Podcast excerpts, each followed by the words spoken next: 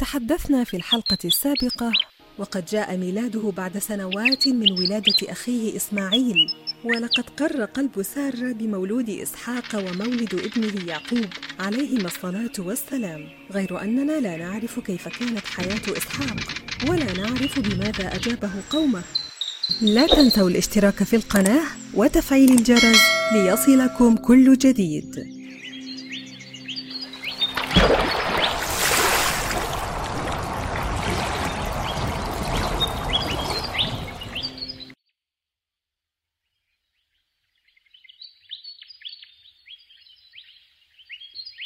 قصة أيوب عليه السلام. ضربت الأمثال في صبر هذا النبي العظيم فكلما ابتلي إنسانا ابتلاء عظيما أوصوه بأن يصبر كصبر أيوب عليه السلام. وقد أثنى الله تبارك وتعالى على عبده أيوب في محكم كتابه إنا وجدناه صابرا نعم العبد إنه أواب والأوبة هي العودة إلى الله تعالى وقد كان أيوب دائم العودة إلى الله بالذكر والشكر والصبر. وكان صبره سبب نجاته وسر ثناء الله عليه. والقرآن يسكت عن نوع مرضه فلا يحدده وقد نسجت الأساطير عديدا من الحكايات حول مرضه. كثرت الروايات والأساطير التي نسجت حول مرض أيوب ودخلت الإسرائيليات في كثير من هذه الروايات. ونذكر هنا أشهرها أن أيوب عليه السلام كان ذا مال وولد كثير. ففقد ماله وولده وابتلي في جسده فلبث في بلائه ثلاث عشرة سنة فرفضه القريب والبعيد إلا زوجته ورجلين من إخوانه. وكانت زوجته تخدم الناس بالأجر لتحضر لأيوب الطعام ثم إن الناس توقفوا عن استخدامها لعلمهم أنها امرأة أيوب خوفا من أن ينالهم من بلائه أو تعديهم بمخالطته. فلما لم تجد أحدا يستخدمها باعت لبعض بنات الأشراف إحدى ضفيراتها بطعام طيب كثير فأتت به أيوب فقال من أين لك هذا؟ وأنكره فقالت خدمت به أناسا فلما كان الغد لم تجد أحدا فباعت الضفيرة الأخرى بطعام فأتته به فأنكره أيضا وحلف لا يأكله حتى تخبره من أين لها هذا الطعام فكشفت عن رأسها خمارها فلما رأى رأسها محلوقا قال في دعائه رب إني مسني الضر وأنت أرحم الراحمين. وحلف أن يضربها مائه صوت إذا شفي. وقيل أن امرأة أيوب أخبرته أنها لقيت طبيبا في الطريق.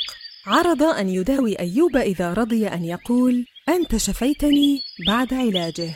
فعرف أيوب أن هذا الطبيب هو إبليس فغضب وحلف أن يضربها مائه ضربة. أما ما كان من أمر صاحبي أيوب فقد كانا يغدوان إليه ويروحان فقال أحدهما للآخر لقد أذنب أيوب ذنبا عظيما وإلا لكشف عنه هذا البلاء. فذكره الآخر لأيوب فحزن ودعا الله ثم خرج لحاجته وأمسكت امرأته بيده فلما فرغ أبطأت عليه فأوحى الله إليه أن اركض برجلك فضرب برجله الأرض فنبعت عين فاغتسل منها فرجع صحيحا. فجاءت امرأته فلم تعرف. فسألته عن أيوب فقال إني أنا هو وكان له أندران. أحدهما للقمح والآخر للشعير. فبعث الله له سحابة فأفرغت في أندر القمح الذهب حتى فاض. وفي أندر الشعير الفضة حتى فاض. وفي الصحيح أن رسول الله صلى الله عليه وسلم قال بينما أيوب يغتسل عريانا خر عليه رجل جراد من ذهب فجعل يحثي في ثوبه فناداه ربه يا أيوب ألم أكن أغنيتك عما ترى قال بلى يا رب ولكني لا غنى لي عن بركتك. رجل جراد أي جماعة جراد. فلما عوفي أمره الله أن يأخذ عرجونا فيه مائه شمراخ أي عود دقيق فيضرب امرأته ضربة واحدة. كي لا يحنث في قسمه وبذلك يكون قد بر في قسمه. ثم جزى الله عز وجل أيوب عليه السلام على صبره بأن آتاه أهله فقيل أحيا الله أبناءه. وقيل آجره في من سلف وعوضه عنهم في الدنيا بدلهم وجمع له شمله في الدار الآخرة. وذكر بعض العلماء أن الله رد على امرأته شبابها حتى ولدت له ستة وعشرين ولدا ذكرا. هذه أشهر رواية عن فتنة أيوب وصبره ولم يذكر فيها أي شيء عن تساقط لحمه وأنه لم يبق منه إلا العظم والعصب. فإننا نستبعد أن يكون مرضه منفرا أو مشوها كما تقول أساطير القدماء.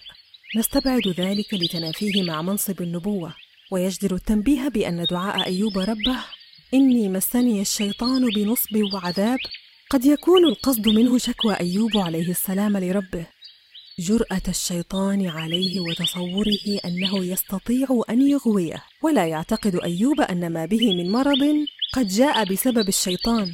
هذا هو الفهم الذي يليق بعصمة الأنبياء وكمالهم. وروى الطبري أن مدة عمره كانت ثلاثا وتسعين سنة. فعلى هذا فيكون عاش بعد أن عوفي عشر سنين والله أعلم. وأنه أوصى إلى ولده حومل وقام بالأمر بعده ولده بشر بن أيوب وهو الذي يزعم كثير من الناس أنه ذو الكفل والله أعلم. في الحلقة القادمة سنروي لكم قصة شعيب عليه السلام. لا تنسوا الاشتراك في القناة وتفعيل الجرس ليصلكم كل جديد.